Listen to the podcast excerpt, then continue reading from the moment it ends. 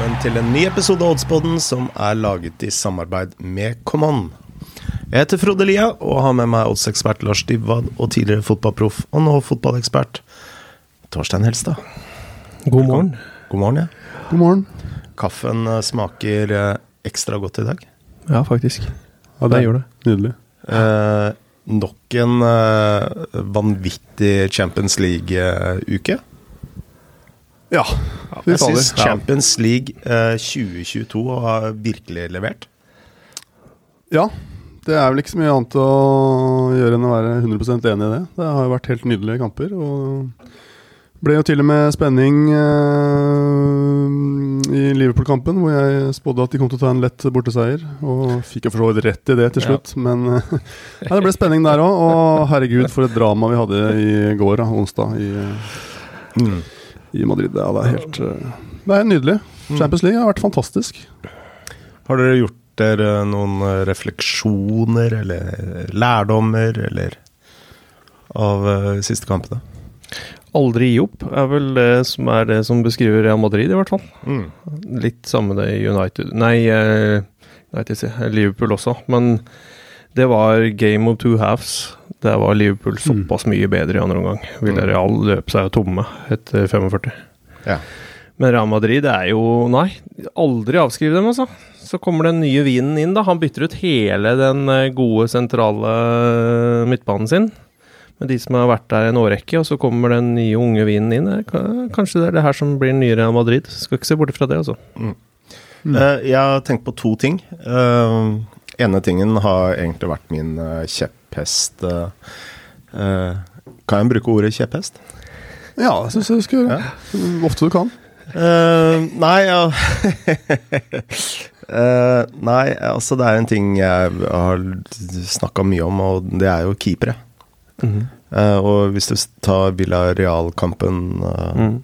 mot Liverpool, så Ja. taper jo Villarreal på en dårlig keeper.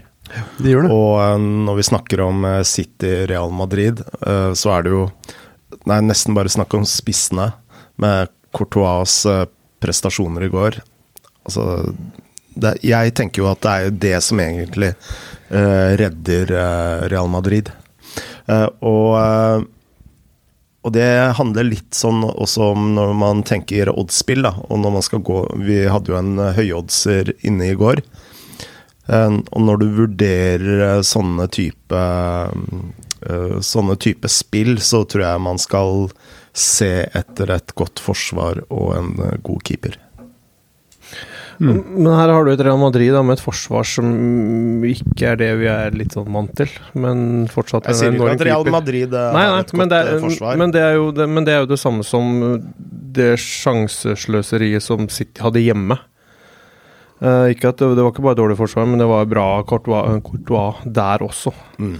Så han redda de dem jo i to kamper, Ja. egentlig. Så um, Så de beinparadene til Courtois, da, de ser jo kanskje ikke så spektakulære ut. Men eh, det er fryktelig mange keepere som hadde heller prøvd å eh, redde dem med hendene. Særlig engelske keepere, som har eh, blitt opplært i en litt annen keeperteknikk enn det f.eks. spanske, og franske og belgiske keepere spesielt. Og etter hvert tyske eh, keepere. Og rekkevidden, da. Eh, altså det å liksom få den ene tåa på den ene fra Grealish eh, der, den eh, ja. Mm. For så vidt en spiller som egentlig kunne avgjort uh, hele semifinalen Mm. alene. Ja. Men det var litt sånn fallet hans etter at han kom til City, dessverre. Altså et eh, lag som uh, skårer så mye mål. Uh, man, man kan kanskje ikke kritisere dem for effektiviteten, men uh, jeg satt med en følelse at engelske lag ofte brekker sammen da, eh, når det kommer til sånne turneringer. Men for å argumentere mot meg selv igjen, så eh, gikk jeg gjennom lagoppstillingen og sa ja, det er jo egentlig ingen engelskmenn. Altså, ikke er det engelske eiere, ikke er det engelske trenere. Altså. Så, eh, og så kommer Grealish inn, da. Så, så bommer han på de, og så tenkte jeg Ja, du hadde jo et poeng allikevel. Mm. Eh, Det er jo tross alt en engelskmann som svikter her. Og det er jo nesten litt typisk. Mm. Jeg syns det var pussig at han satte inn Grealish istedenfor Stirling, ja, med de enorme rommene som Real Madrid eh, både måtte etterlate seg og etterlot seg når de eh, jaget disse to utligningene. Eller én utligning og disse målene. Mm. Det var jo eh, De tok jo veldig høy risk der, Mm. og fikk jo belønningen helt på tampen. Eh, utrolig nok, da. Men eh, ja, Nå har ikke jeg rett posisjon til å kritisere innbytter og Pep og alt sånt, men jeg syns det var liksom et obvious bytte å bruke farten til Stirling istedenfor uh, en Grealish, som kanskje ikke har vært sånn helt uh, sharp uh, på en stund. Nei. Eller i det hele tatt, nesten, i City. Har hatt noen, noen gode øyeblikk, men eh, mange middels. Men den som sitter og gnir seg godt i hendene, er jo Haaland. Når Ja. du sier at de starter med Jesus, som er ikke i nærheten. Eh, og så bytter du han ut som kant og setter eh, Foden som uh, spiss. Det er liksom sånn Haaland kan jo bare sitte og le hele veien til banken, for du sier at Åh, de roper jo etter en spiss. Ja, men de gjør jo det. Ja. Det er jo det City gjør. Uh, ja, og det gjør jo ikke Real Madrid. Nei. Så jeg tenker um, Mino Raiola, fred være med ham. han, hans taktikk da, ofte er jo å sette to og tre klubber opp mot hverandre. Eh, og man kan jo spekulere om hele den eh, Real Madrid-sfæren egentlig bare er et eh, spill for galleriet, egentlig. Og grunnen til at jeg nevner det, det er jo at nå skal visstnok Bayern München komme til på banen. Mm. Men jeg har kilder i Bayern München som sier noe helt annet. At eh, det, det er bare tull. Så hvor, eh, hvor de ryktene der liksom kommer fra, det er eh, ja.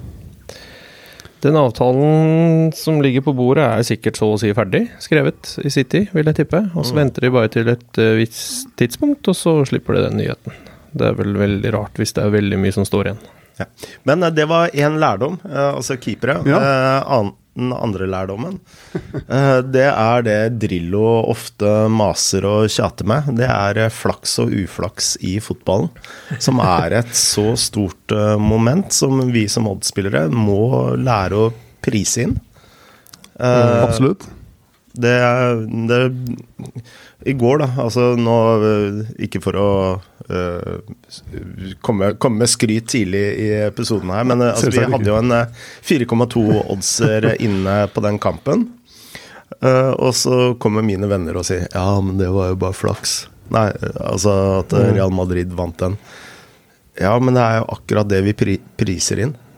Mm. Altså flaks, uflaks. Det er det som er hele X-faktoren til å lykkes i oddspill, tenker jeg. Det er å, å kunne prise inn den X-faktoren der. Ja. Egentlig i det hele tatt anerkjenne at uh, At flaks og uflaks fins, og, og ta høyde for det.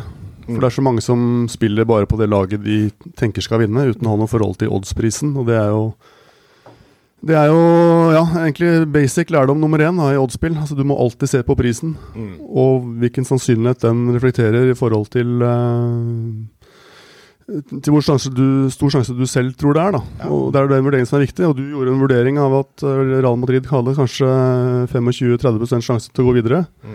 Eh, uten at jeg skal legge de tallene i munnen på deg. Men, uh, og sa prisen var 30. ja, Jeg sa 30, ja. Mm. Og prisen var 24, og da var det jo etter din mening verdi, for den prisen uttrykte en sannsynlighet på et par og 20 prosent. Mm. uh, og det var en rett vurdering, og det er jo Ja, og der er det jo priset inn. Flaks, uflaks, øh, mentalitet, alt mulig ikke sant, i den vurderingen du har gjort som oddspiller da. Og så er det jo man får til dette over tid, da, som, øh, som selvfølgelig beviser om man er flink til å gjøre disse vurderingene eller ikke. Og man er flink til å finne det som kalles verdi i oddspill. Da, og gjøre en annen vurdering av sannsynligheten enn det markedet gjør. Så det er jo back to basics. Skal vi ta en gjennomgang av eh, sist helgs eh, spill? Ja, apropos det, det kan vi gjøre. Vi hadde Ja, du er jo Frode, du er jo høyt oppe om dagen. Du er jo reneste Snåsamannen her. Du hadde jo et spill i uh, Watford Burnley, hvor du hadde en uh, klink B til 2,70. Og uh, der også kom det sent. Men godt. Ja, altså det var en kamp eh, med, som de sier på Balløya, eh, a game of two halves. Ja, Eh. Watford kjørte jo over Burnley i første omgang der. Eh, men igjen, fotball eh, avgjøres uh, innafor 16, og de, eh, de klarte ikke å sette sjansene sine. Og det er avgjørende i fotball. Det gjorde Burnley. Eh, og de kjørte vel over Watford i annen omgang. Ja, og det var jo et, eh, et nydelig over er kanskje litt Uh, det, er, det er kanskje å ta i, Ta i litt, eh, men- generelt når det gjelder Burnley, om de kjører over noen, men det var jo i hvert fall et nydelig mål der. 2-1-mål av eh, Josh Brownhill, som skårte vel sitt andre mål på 75 kamper eller noe. I, I rett tid, får man si. Ja, men eh, etter å ha sett ti minutter av annen omgang, så var jeg ganske trygg, trygg på at eh, Burnley tok det. Eh, for å være helt ærlig. Altså, men du, det er jo noen kamper du ser, eh, og så tenk, du bare tenker at dette her kommer til å sitte. Ja. Du sitter med en sånn følelse. Den følelsen hadde jeg da. Nydelig spill, i hvert fall. Til 2,70 der. Eh, Jeg hadde jo da Tottenham Leicester minus 1,25 til 1,96. Eh, håpet på et eh, roterende og litt sånn eh, fraværende Leicester-lag som tenkte Conference League, og det må vel si vi fikk, for så vidt. Eh, det ble mål av Kane, to av uh, Hangmin Son, og så kom det en redusering på slutten, men ble 3-1 til Tottenham og uh, spill inn, og det er egentlig et spill jeg er ganske godt uh, fornøyd med Mm. faktisk. Um, og så var det Viking Haugesund. Under tre mål. Og der ble det mye mål. Ja, det ble det. Det var eh, Berisha våkna. Det var vel eh, f- f- fare for at han kunne våkne akkurat i den kampen. Han har jo ikke Han har vel vært mer sånn tilrettelegger i de første kampene. Og så løsna det ordentlig. Men um, det beskriver vel litt forskjellen på topp og bunn i Eliteserien. I hvert fall ut ifra hvordan Haugesund ser ut. For det er faller skikkelig sammen. De gjorde ikke det mot Vålerenga. Eh, De gjorde jo for så vidt det litt i første seriekamp mot Sandefjord. Var litt tilbake der, altså. Litt sånn korthuset, og så Men så skal det si seg at Viking er jo underholdende å se på, da. Når det glir så bra, og de fyller nesten stadionen igjen og det Nei, det er jo litt morsomt, selv om spillet var milevis unna. Vi tar selvkritikk for det. Jo, jo, men det er eh, Noen ganger så går kampbildet sånn. Ja, ja, ja, men eh, allikevel. Det um, ble i hvert fall et overskudd på 1,66 enheter den runden, og det er jo uh, meget uh, bra, egentlig. Skal vi mm. også ta det vi har i Champions League? eh, Absolutt, Frode. Det skal vi gjøre. Og uh, der hadde vi jo selveste Snåsamannen, Frode Lia. Mannen som kommer til uh, Oddspodden-innspillinger i sin uh, DeLorean-bil. Rett fra fremtiden. Jeg må jo innrømme at jeg heter egentlig Frode da Costa Lia ennå. Men ikke si, si det til kona mi. Nettopp. Var det, var det er min ekskones eh, navn. Jeg har ennå ikke klart å bytte det fordømte navnet. Men, men. Men, men. Jeg er ganske sikker på at eh, kona mi ikke hører på den podkasten. Nei, det, vi får satse på det. Uansett, du spilte rett og slett eh, Real Madrid til å gå til finalen, til 4-20 odds hos Camon. Og eh, som vi har hørt og sett, så gikk de til finalen. Så det var jo et nydelig spill. Mm. Eh, vi hadde noen kortspillsforslag i samme match. Uh, Casemiro der, men uh, han ville vi gjerne ha til tre. Han var prisa til 1,90, som er noe av det laveste jeg har sett noensinne. Og fikk ikke kort, men burde hatt i hvert fall to, vel? Ja. Før det var spilt ti minutter. Det var, det var et hylkor av Odd-spillere på Twitter som skrek fortvilet etter den ene situasjonen etter den andre hvor han skulle hatt kort og ikke fikk det, men sånn gikk det ikke. Og jeg var vel inne på De Bruyne gult og ville vel ha rundt minst fem der. Fikk bare fire, og mm, det var for så vidt greit, for han var vel ikke så nærme å få kort. Han var dårlig. Men vi Det var han også. det. Altså. ja. Han var langt Det ble vel nesten spekulert om han var småskadd eller at det var et eller annet. Så vi har Marseille Feinor i kveld, torsdag. Hjemmeseier der til 2-10, og det er vel det, da, det spillet som avgjør sluttsummen for Europa-episoden vår. Eh, ett ord om Eliteserien. Eh, det er full runde igjen eh, denne helgen, og det er vel kanskje to kamper eh, som stikker seg ut. Molde-Viking eh, på lørdag, og så har du Bodø-Glimt mot topplaget Lillestrøm. Og Bodø-Glimt, altså de står til rundt eh, en, eh, 1,60 i odds. Er det en favoritt i fare, eller? Jeg hadde faktisk tenkt å ta et spill i den kampen. Ja, da kommer vi tilbake til den. Ja. Eller Nei, Vi kan gjerne kjøre kan på når det, vi først er inne på det. Ja. Jeg hadde tenkt å spille Lillestrøm pluss 0,75 Asian Handicap til 1,96. mm. Um, det er ut ifra Vi var To av oss var på cupfinalen. Og vi diskuterte det etter cupfinalen, at Bodø-Glimt ikke er helt seg selv. Nå har de gått to kamper uten å skåre mål. Den som kanskje er mer alarmerende, er vel at eh, Solbakken er ute etter operasjon i ankel. Um, Saltnes er suspendert. Boniface er suspendert. Mm. Espejord er 50 sjanse til å spille det pga. en skulder. Det begynner å bli tynt hos Bodø-Glimt, altså. Det gjør det. Uh, og det er et Lillestrøm Nå feide de over Ja, ok, greit, Eidsvoll i cupen 7-0, men de fikk i gang Fridjonsson med tre mål. Um, en veldig overbevisende 2-0-seier hjemme sist mot Ålesund. Veldig kontrollert. Uh, forrige bortekamp uh, 2-1 mot Molde. Mm. Så Lillestrøm, selv om de avgjør eh, på slutten, så er Lillestrøm altså, det er noe ordentlig godt på gang på Åråsen. Det skal sies. Og de spiller underholdende fotball. Ja. Masse mål som er involvert i kampene. Og en monsterstopper. Uh, monsterstopper. Uh, Jeg må egentlig si at eh, de tre bak ser veldig bra ut, ja, altså. Eh, Så det er um, Nei, det er gøy å se på Lillestrøm. Um, Åsen eh, Ja, flyr jo, Mm. som han har gjort uh, egentlig siden han kom til Lillestrøm.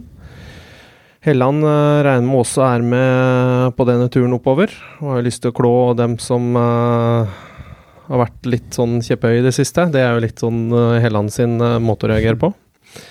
Nei, det er, det er litt sånn Det hadde vært gøy å kjøre strak på LSK, men så 94. Ha, ja, den er eh, Du får bra betalt for den. Uh, men så har du det Bodø-Glimt og hjemme. De, de slo uh, Vålerenga 5-1.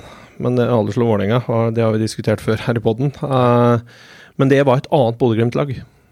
Det var med mer power. Det kan jo hende at Espejord uh, kommer, men uh, en Pellegrino som ikke har vært helt seg selv i det siste. Ja. Og en Solbakken ute. Uh, Saltnes ute, som har også vært levert mye målpoeng. Så ser det litt tynt ut. Og det er et lag som ikke har skåret på to kamper. Så um, syns det ser litt sånn spennende ut, jeg, med Lillestrøm, altså der oppe. Um, Jeg er enig. ja, jeg syns det. Men det er, eh, det er faktisk en del odds eh, denne runden her som jeg stusser litt på. Mm -hmm. uh, og uh, Sarpsborg-Odd. Mm. Uh, Sarpsborg til rundt 1,80. Rundt eh, 4,20 på Odd. Ja. Eh, er ikke det en mye jevnere kamp enn det oddsen gir uttrykk for? Jo, det, det er det. Um, nå har du vel tatt ut ifra hvordan uh, Sarpsborg var i, eh, i sist uh, serierunde. Det må jo være f- det som har, eh, som har gjort det, med, med 2-5 i Tromsø. Mm, Nå var det jo mm, overgangene de fikk, da, eh, som gjorde at de eh, kjørte over Tromsø til slutt. Så um, Odd kommer vel ikke så høyt, er litt mer avventende. Det er liksom det de har pleid å være mot de antatt bedre lagene. Ja. Så, um, så mye rom får de nok ikke som de fikk mot Tromsø. Så, men men uh, Sarpsborg 08 også har, uh, har uh, sett bedre og bedre ut. Det har de. Så um, Men, Ja, du, aldri, men du, må aldri avskrive Odd. Uansett, det har jo vi lært her før. Selv om de tapte 2-3 mot Ålesund sist. Ja, og det Um, Altså, de, det var tre kontringer. Ja. Det var jo det, ikke sant? Så, men det var, hjem, det var i Skien. Så det lukter jo For meg så lukter det en del mål i den kampen her. Ja. Det, det gjør det, men du får 1,74 for over 2,5. Er Jeg syns markedet er riktig favoritt, men Ja. uh, altså uh, Jeg vil jo tro at den oddsen burde ligget rundt eh, 2,20 Mm. ish. Eh, det er jo én odds. Mm. Eh, en eh, annen odds jeg stussa litt på. eh, Sandefjord-Vålerenga. Eh, tre Rundt 3-10 i odds på Sandefjord. Mm. Eh, rundt 2-2 på Vålerenga. Ja. Ja, det er et, eh, også et Sandefjord-lag, da, som uh, igjen blir uh, forventa å rykke rett ned igjen. Og så uh, motbeviser de oss. Det er vel stort sett det Sandefjord gjør hvert år. Ja. Men uh, de hadde jo for så vidt en fin kamp sist, da. Og, ja, altså, eh, altså Sandefjord, eh, misforstå meg rett, er Ja, jo ja. veldig varierende. Ja, det, det er de. Uh, men allikevel, altså. Jeg, nå har de for så vidt bare spilt én hjemmekamp, Sandefjord, da. Ja. Det har de. Um, og, Mot Glimt. Hæ? Ja, mot Glimt. Ja, og det er mot Glimt, Mm. ikke sant. Og de var ikke så langt unna å få med seg noe mot, mot Glimt der heller. Nei. Nei, jeg bare Um, tenker på de to seierne til Vålinga Altså Ja. 2-1 mot Haugesund og eh, 1-0 mot Jerv. Mm. Har jo ikke vært overbevisende prestasjoner, det heller. Nei. Eh, Men det er jo også en odds jeg setter litt spørsmålstegn, og den jeg kanskje setter mest spørsmålstegn til for å komme Har du mye eh, fram og til tilbake på eh, PC-en her, altså? Ja. ja. Det er Strømsgodset Rosenborg, ja. hvor Rosenborg er til 2,40 i odds, og Altså, ved siden av Haugesund så er ved Godset et av de lagene som har skuffa meg mest eh, denne sesongen. Ja, godset har vært øh, Godset har vært fryktelig, rett og slett. De fikk jo seieren sin borte mot Haugesund med en klabb og babb-skåring. Det var ikke noe mer å skrive hjem om enn det. Ellers så har de vært fryktelig, i hvert fall øh, hjemme. Sist så var det jo Akkurat som jeg vurderer det nå, så er Haugesund og Godset de to dårligste lagene, selv om Kristiansund eh, Ja. er under Godset på tabellen akkurat nå. Men de står med 1-8 hjemme på to kamper. Det er ikke det man er vant til. Man er egentlig vant til at det står 8-1 i Drammen.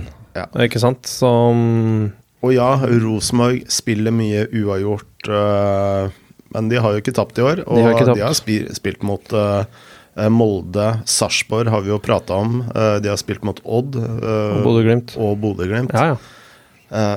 Og 2,40 odds på Rosenborg, det er Ja, det er en, den, den, den er fin, altså. Mm. Det er den.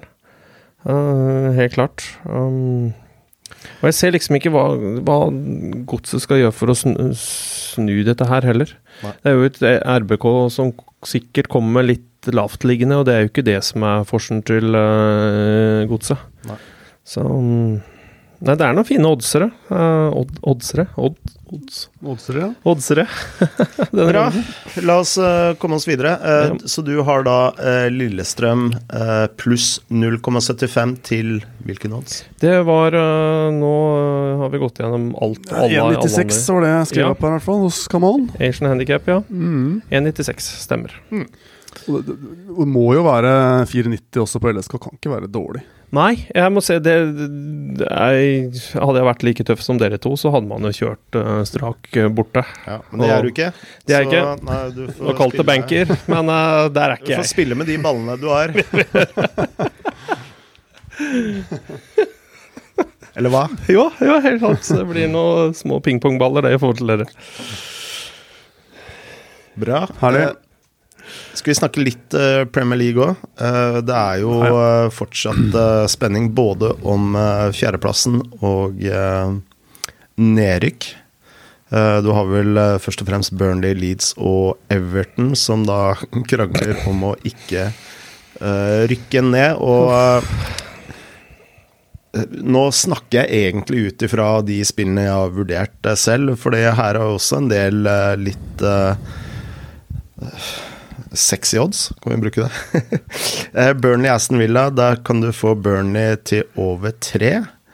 Uh, og så har du uh, eh, du, du, du, Leicester Everton, hvor du også får Everton til over tre. Og det er jo et Leicester som er på ferie, eh, ikke, har, ikke har levert. Um, og så har du Arsenal Leeds. 1,47 på Arsenal. Er kanskje der det skal ligge? Jeg tror kanskje det. Ja. Så mye skader og problemer som Leeds har nå, stakkars. Nå gikk jo Dallas ut sist, og ah, Det ser tynt ut nå. Det ser tynt Ja, det ut nå, det. Torstein. Det, gjør Det ser litt skummelt ja, ut for det ser faktisk veldig skummelt ut. Uh, da er det Burnley som uh, altså står med tre strake seire. Uh, har ikke tapt på de siste fire. Jeg så jo for så vidt en rekke ok ut for Leeds også, helt til de møtte City. Det var ikke Det var jo fem kamper der med tre seire og to uavgjort. Um, men så liksom Everton begynte å vinne, og de har en hengekamp, da. Ja, ikke sant? Møter de Leicester. Nå endte ikke det Endte ikke det 1-1? Når de møttes her for ikke så lenge siden. Jo, de ikke- spilte 1-1 på, på Gudesen Ja. eh, 20. april. Ja. Ikke sant? Mm. Så um, Nei. Uh, da var Everton best. Da var Everton best. Det var de helt klart best. Så mm, Nei, jeg, jeg må vel snakke litt med Ikke bare hjertet med hjernen den gangen og si at det skal mye til for at man tar poeng borte mot Arsenal, altså. Mm. Da må, det, da må overgangsspillet sitte og forsvarsspillet sitte. Det Ja. Det blir en ny kamp med hjertet i halsen. Ja, og Arsenal har jo motivasjon, selvfølgelig, så det holder Ja, de også. ja. Hadde de ligget midt på og vært Mm. strandklare, så kanskje det hadde vært mer verdi i den oddsen, men øh, Jeg syns det er vanskelig å se en favoritt i fare der, altså. Men, mens Evertons til tre blank syns jeg er veldig interessant. Ja, eh, det var også et av de Eh. spillene jeg vurderte. Mm. Og Man har liksom tenkt at Everton har vært så øh, ræva i siste, og det har de jo for så vidt, men de har jo, de slo jo United hjemme, da. Og så Mm. spilte de 1-1 mot Leicester, som vi snakka om, og der var de veldig nære å vinne. Skal det sies at eh, Frank Lampard har gjort noen taktiske grep. Ja da. Så Og De spilte også bra mot Liverpool, for så vidt, selv om de spilte en sånn type drittsekkfotball. Men eh, jeg tror de fikk en del ut av den matchen, selv om de tapte. Og så slo de jo Chelsea, da. Så det er klart, Everton hjemme og borte er to veldig forskjellige ting. Eh, de har faktisk eh, veldig god support hjemme fortsatt, og det hjelper. Men eh, mot et Leicester som ja, enten går til finalen i Conference League i dag eller ikke. Eh, uansett, den kommer litt i skyggen av det, den kampen for Leicester, som ikke har noe særlig å spille for. Så jeg syns tre odds der er, er spennende, altså. eh, I Bundesliga så Uh, er det egentlig spenning om én Champions League-plass mellom uh, RB Leipzig og Freiburg, men uh, det er veldig lite interessante odds å snakke om.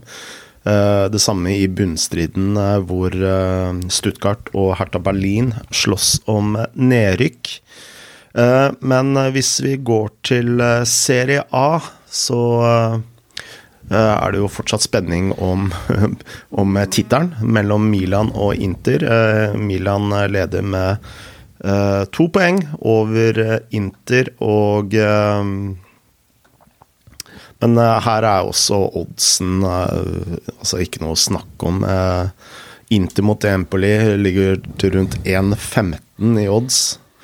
Eh, Verona Milan, som går uh, søndagskveld, der får du Milan til rundt 1,80 odds. Uh, men et litt Heller ikke spennende odds, men en talking point er jo Salernitana, som er i ferd med å kanskje kunne liksom begå the great escape, da. Eh, De ligger med 26 poeng. Eh, og Så har du Cagliari, som eh, har 28 poeng, som da slåss om den eh, siste nedrykkskampen. Og Salernitana har jo én kamp mindre spilt, så med seier Uh, Seier i, i kveld, faktisk, mot uh, Venezia, Som ligger sist. som ligger sist, så er de på sikker plass. Og så rykker de fra når de slår Gagliar hjemme Ja. i helga. Ja, det er jo en sinnssykt uh, viktig ja. kamp, da. Særlig hvis eh, Ja, uansett, da. Selvfølgelig. Og um, hvis man lurer på hva man skal gjøre i kveld klokka seks, så vil jeg jo anbefale å se Salernitana mot Venezia, da. For det er jo en kamp med utrolig mye på spill. Og David Nicola, da, som tok over Salernitana, husker jeg ikke når det var, et eller annet tidspunkt i år, han har jo lovet å gå fra, fra Salerno til Vat- Vatikanet. Mhm. Om de berger plassen i Serie A. Det er eh, nesten 30 mil, tror jeg. Så han har visst gjort noe lignende før, og da gikk det bra. Da gikk han 21 mil eller noe sånt nå. Så her er både Gud og alt på Salernitanas side, så det blir, eh, blir spennende i kveld og spennende til helgen. Uh, I La Liga så er jo da Real Madrid uh, uh, mestere. Betis og Real Sociedad slåss med, med, Atletico Madrid om den siste Champions League-plassen. Der skiller det henholdsvis fem poeng og tre poeng. I bunnen der så er det Uh, Mallorca, Cadiz og Granada som slåss om den siste nedrykkskampen. men etter å ha sett på Og der spiller jo faktisk Mallorca mot Granada hjemme. Og Mallorca har jo vært et spill du har Eller et lag du har sett mye på um, og spilt, Lars. Ja, det er en stund siden sist nå, men de er jo ganske vanskelig å slå hjemme på ferieøya, holdt jeg på å si. Mm. Uh, nå er jeg ikke så oppdatert på de nå, men jeg, jeg, har også kikket på disse kampene i La Liga og fant vel ikke noe sånn kjempespill der. Men det er jo Atletico Madrid mot Real Madrid. Mm. Uh, den kampen kan man jo tenke kommer litt i skyggen av Champions League-semifinalen ja. i går for Real sin del, og de er jo allerede mestere. Mm. Så hva de legger i den, er litt usikkert. Nå tror jeg kanskje de syns det er døvt å tape både for Barcelona og Atletico uh, på vårparten her nå, men uh, ja, det betyr vel kanskje ikke all verden akkurat det oppi der. Og så står jo Sevilla faktisk uh, Sevilla står Skal vi se om jeg bare får opp siste oddsen her. Står til over tre i odds borte mot uh, Villa Real. og det syns jeg var høyt på et Sevilla-lag som ikke er helt sikre på topp fire ennå, men uh, nesten. Og mm. mot et Villa Real da, som så i hvert fall ut som Moreno fikk seg en smell igjen etter å ha kommet tilbake på tirsdag. Og ja Sevilla har tapt uh, fire kamper hele sesongen. Så enten en ren B eller en Rono bet eller noe på Sevilla der syns jeg er et spennende spill. Tatt i betraktning hvordan de har hatt det de siste ukene. Mm. Det er ikke Sevilla sånn knallform, men uh, men det har ikke Villarreal vært heller i ligaen. Mm. Uh, eh, PSG har jo også vunnet league A. Um, også veldig tett om den siste Champions League-kampen. Marseille, Rennes og Monaco. Der skiller det tre poeng. Uh, jeg har heller ikke noe spill i Liga. A. Og så har du nedrykksstriden i liga, som er jo veldig spennende. Der har du Saint-Étienne og Clermont og Lorient og Angers og Troyes med ja, fem poengs differanse. Så det er jo også noe å følge litt ekstra på med. Angers Trois, Det er, det er Uttalene er, det er fransk uh, Finesse? Finesse. Det er klasse, Frode Lia. Finesse er mitt mellomnavn. Det er det. Det var det. Nei, Da Costa var det. Ja. Uh, men skal vi begynne å se litt på våre spill? uh, Torstein skal til tannlegen uh, og få litt ja, finesse. Ja, du har vært gjennom mye nå. Det du ikke har vært gjennom, er jo championship, da, hvis vi skal bare bruke litt mer tid på den. Det er siste runde nå. Uh, Fulham og Bournemouth har jo rykket opp, selvfølgelig. Det, og de blir nummer én og to, så det er jo greit. Men der er det jo uh, ganske mye spenning om uh, disse playoff-plassene. Nedrykk mm. også der er jo, er jo, kjørt, så det er, det er ganske Ganske mange håper å si, uinteressante kamper der som er vanskelig å spå, men som kanskje kan være verdier hvis man sjekker lagoppstillingene en halvtime før kamp.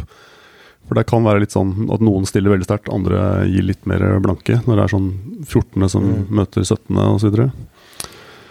Men uh, det er jo en strid der da om uh, den siste, siste par playoff-plassene der mellom Sheffield United, Luton, Middlesbrough og Millwall, som er litt spennende. Og Millwall spiller jo mot et Bournemouth som sikret opp, opprykk nå uh, tirsdag, var det vel. Så der kan man jo lure litt på motivasjonen også. Så det er jo en liga man kan se litt på.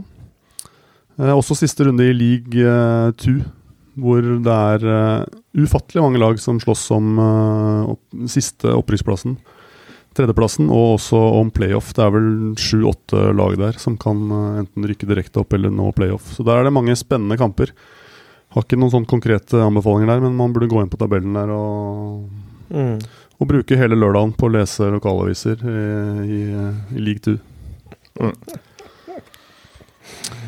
Det er Ja. kult. Bra. Måtte bare nevne det. Mhm. Har du et spill til oss? Jeg har et spill til oss. Eh, jeg har et spill i Italia. Torino-Napoli. eh, som spilles eh, Ja, når spilles den? Lørdag, vel? Lørdag klokka tre. Så det er tidlig kamp. Um, Torino er jo nummer ti uh, og blir uh, maks nummer ni og minst nummer 13, så det er litt sånn uspennende innspurt for dem. Napoli kan jo i teorien bli nummer én og to fortsatt, men øh, kommer jo ikke til å bli det, sannsynligvis. Eh, Milan og Inter er for langt foran, men øh, bør vel fortsatt ha motivasjon til å spille om tredjeplassen, som er øh, høyeste på noen år. Og også slå Juventus er jo alltid gildt for Napoli. og og I tillegg, hvis man er litt sånn konspiratorisk anlagt her, da, så kan man jo tenke at Torino-fansen mye heller vil at Napoli skal bli nummer tre, enn at eh, Juventus skal bli nummer tre. Eh, rivalen. Eh, Torino er jo i litt sånn eh, I forhold til det jeg har tenkt å spille på Napoli-siden, da, så er jo de litt sånn guffent eh, god form. De har spilt seks på rad uten å tape. Og bare tapt én av siste ni. Annet spilt uøvert mot både Inter og Milan her hjemme siden begynnelsen av mars. Eh, slo Empoli 3-1 bort 3-1 borte sist, eh, men det var litt eh, omdiskutert. Empoli ledet, så fikk de to røde kort, og i forbindelse med det fikk Torino to straffespark. Og det var i det hele tatt mye hurlumhei rundt den kampen, så om, om den er en verdig sterk borteseier sånn på formraden, er jeg litt usikker på. Men eh, de står med 8-5-4 hjemme, eh, men ikke slått noe topp eh, fem-lag her. Og har faktisk ikke slått noe topp fem-lag uh, verken hjemme eller borte hele sesongen. Så mangler de da Sasa Lukic, da, serbiske sentral eh, midtbanen, som har spilt eh, alt denne sesongen, egentlig. Eh, bare mista noen få kamper.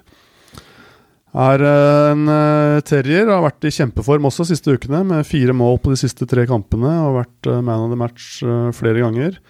Torino har spilt eh, fire kamper uten han den sesongen. Det er jo ikke så mye å vurdere fra, men de har ikke vunnet noen av de eh, fire. Blant annet tapt hjemme mot bunnlaget Venezia uten Lukic. Han er, han er viktig for Torino. Og de mangler også Sanabria, eh, spissen, som har uh, riktignok bare skåra seks, men eh, eh, også vært i brukbar form. Også uten Sanabria så har Torino ganske mye lavere seiersnitt enn med.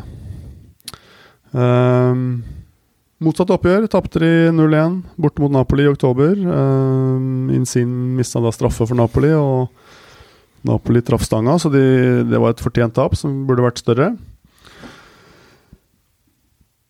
Napoli eh, hang jo lenge med tittelracet, men falt av på slutten nå. da Tapte mot Fiorentina, så 1-1 mot Roma og 2-3 mot Empoli. Og fikk ufattelig mye kjeft fra Napoli-ultras og supportere etter å ha tapt mot Empoli møtte opp uh, utenfor hotellet før de skulle spille mot Sassu- Sassuolo sist, og holdt dem våkne og kom med bannere. og har visst gitt diverse sånne symbolske gjenstander til uh, spillerne som skal symbolisere hvor mislykte de er, osv.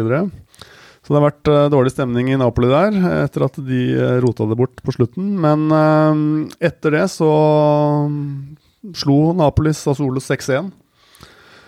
Så det var jo et bra comeback eh, sånn sett. Og mm, selv om toget er godt for eh, gullet, så tror jeg nok de er keen på å levere en god avslutning. Både med tanke på fansen og med tanke på tredjeplassen, da, som er eh, for så vidt hyggelig å, å få med seg.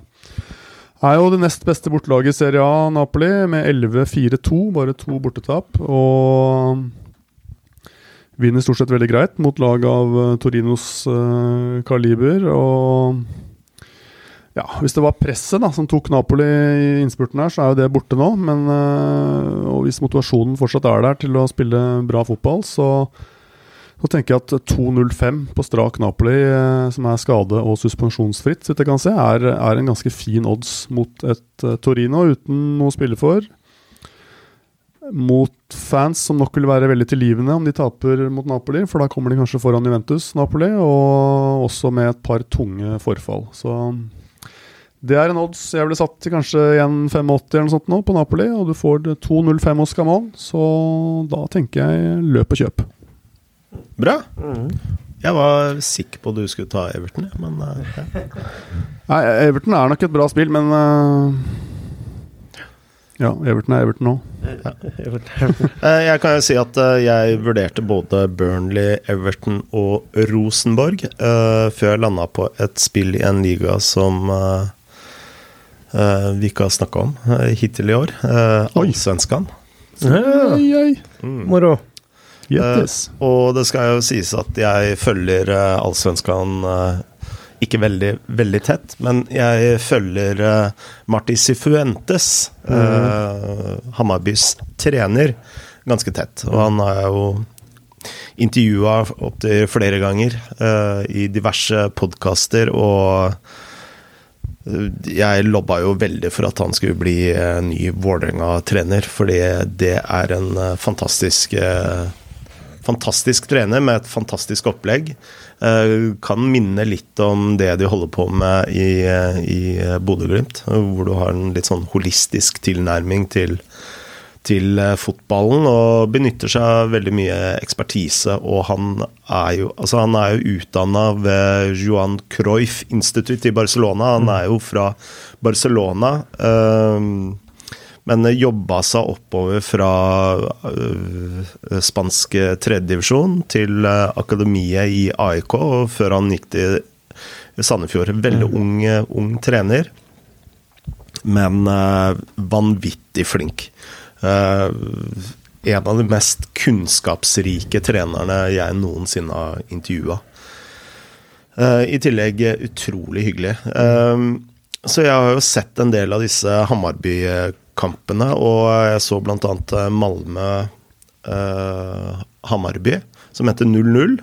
Eh, men eh, Hammarby var det desidert beste laget. Og, altså, det var en litt sjansefattig eh, kamp, men jeg, når jeg så den kampen, så følte jeg at Hammarby hadde et, et, et eh, ekstra gir, da, eh, for å si det sånn. Eh, hvis du ser på raden begge, begge lag har da spilt fem kamper i Allsvenskan. Uh, og de møter da Kalmar borte. Eh, Kalmar har vunnet tre, tapt to. Av de tre kampene de har vunnet, så er to av dem mot antatt bunnlag. Altså Varbergs, uh, Degerfors og så er det Göteborg, da, IFK. Altså vi nordmenn vi tror at IFK Göteborg er et topplag i Sverige. Det er det ikke lenger nå. Eh, de har tapt mot eh, Sundsvall, og de har eh, tapt mot Norrköping. Og bare, bare sette det nivået litt i sammen, sammenheng, da. Kalmar de taper da 1-0 bort mot Sundsvall, mens Hammarby banker Sundsvall 5-1 borte. Eh, en ting som Altså, man tror jo da at når du har en trener med, med Sifuentes bakgrunn, at det bare er tikki taka. Uh, det er det ikke. Altså, de spiller en mye mer direkte fotball enn f.eks. Barcelona. Så det er jo en, eh, en katalansk trener som har tilpassa seg skandinaviske uh, forhold. Men det som har imponert meg mest, det er egentlig innleggene og dødballene. Altså De har skåret en del på cornertrekk, blant annet. Eh, Veldig effektive dødballer. Eh, og her tenker jeg at eh, et lag som om ikke kjører over, da, er bedre enn en av de antatt favorittene til å vinne, vinne seriegull i Allsvenskan. Møter et Kalmar som jeg tror vil eh, være å finne på nedre del av halvdelen. Og når du da får eh, Hammarby eh, til rundt eh, eh, to eh, eh, 2,15 i odds, så er det bare løp og kjøp. Jeg, jeg hadde satt denne oddsen på 1,70-tallet selv. Oi. Ja. Og da er det løp og kjøp. Ja, det gjør det. Hammarby står ubeseira. Eh, fire seire. Eh, nei, fem seire, faktisk. Og én uavgjort. I toppoppgjøret. Så I det, toppoppgjøret. det er litt sånn, ja. Det er morsomt. Får vi en svensk fotball også. Det Spennende. liker vi. Er det første gang vi har hatt et svensk spill? Eller har vi, kan ikke huske Nei, du har hatt uh, svensk spill eh, Ja, inne tidligere, men det begynner jo å bli et år siden. Mm. År siden. Og Kalmarunionen, hva var det, Frode? Eh, hva tenker du på? Jeg tenker på historieundervisning for uh, våre Tror du- lesere. Tror du virkelig uh, jeg ikke vet hva Kalmar-unionen er? Nei, men det var altså et såkalt uh, podkast-teknisk spørsmål, hvor du da får sjansen til å opplyse leserne om dette. Ja, altså det er en eh, union uh, basert på eller, Som inneholdt Norge, eh, Danmark og, og Sverige. eh, Og dette var jo da en union som da blei undertegna i eh, Kalmar. Uh, Bommer jeg her, eller? Jeg er mm, meget imponert. Ja. Meget imponert. Bra googlet, kan jeg si. Det er vel ja. akkurat det samme som det står på min Wikipedia her, eh, Frode. Så du leser helt rett av. Veldig bra. Nei, men fint spill. Uh, Og det var jo den Altså, det, vi snakker 1500-tallet her, ikke sant? Og det Ja, var jo sånn også 14, 14, den avtalen som eh, noen av oss husker det jo. Som hvor Danmark bl.a. anerkjente Sverige som et eget land. Eh, jeg ville ikke fremstille Nei. meg som cocky, men jeg er jo en kunnskapsrik Ja, eh, mann, så ja, jeg har jo Kanskje vi burde ha en sånn historiepod som sånn sideprosjekt. Ja. Ja, uansett. Kalmar Uh, var også dit eh, mine besteforeldre flykta under krigen. hva gjorde det? Ah, ja, ok. Akkurat. Da fikk vi mye fin Kalmar-info her. Eh, jeg vil gjerne nevne kjapt, siden forrige gang så spurte du om masse sånn styr unna og uøvert osv. Styr unna, tenker jeg. Chelsea 1.35 hjemme mot Wolves. Chelsea er eh, ikke der nå. Skal spille cupfinale neste helg. Wolves vet aldri hva man får. Kan Mm. fint ta poeng uh, i London. U-kandidat. Brentford Southampton. Begge har 40 poeng. Trygge, litt sånn ferieklare. Ett poeng til. Ja, det gjør seg. Og syns jeg også Hertha Berlin, som du var inne på, 2,45 hjemme mot Mainz, som vel er det verste bortelaget i Bundesliga og ikke har noe å spille for, Mm. er også et fint spill. Som Ja, sånn vi har masse bobler. eh, Litt sånn snacks, Ja. snacks i tillegg. Da sier vi det. Må vel gå gjennom spillene først, vel? Tar du en eh, kjapp uh, Ja, jeg tar en kjapp oppsummering av de spillene våre i lyttere som bare spoler til slutten? Ja, det, ikke gjør det. Hvis dere har spurt til slutten, spol tilbake. Det er urettferdig. Her bruker vi tid og energi og kaffe og alt mulig. Uansett, Frode, Kalmar, Hamarby spiller strak B til 2.15 hos Camon. Torstein, Bodø-Glimt, Lillestrøm. Borteseier pluss 0,75 asiatisk handikap til 1,96 hos Camon. Og i Italia, Torino-Napoli, strak B til 2,05 hos Camon. Da sier vi som vi alltid sier her i Oddsbonden. God helg. Lykke til med spillene. Lykke til.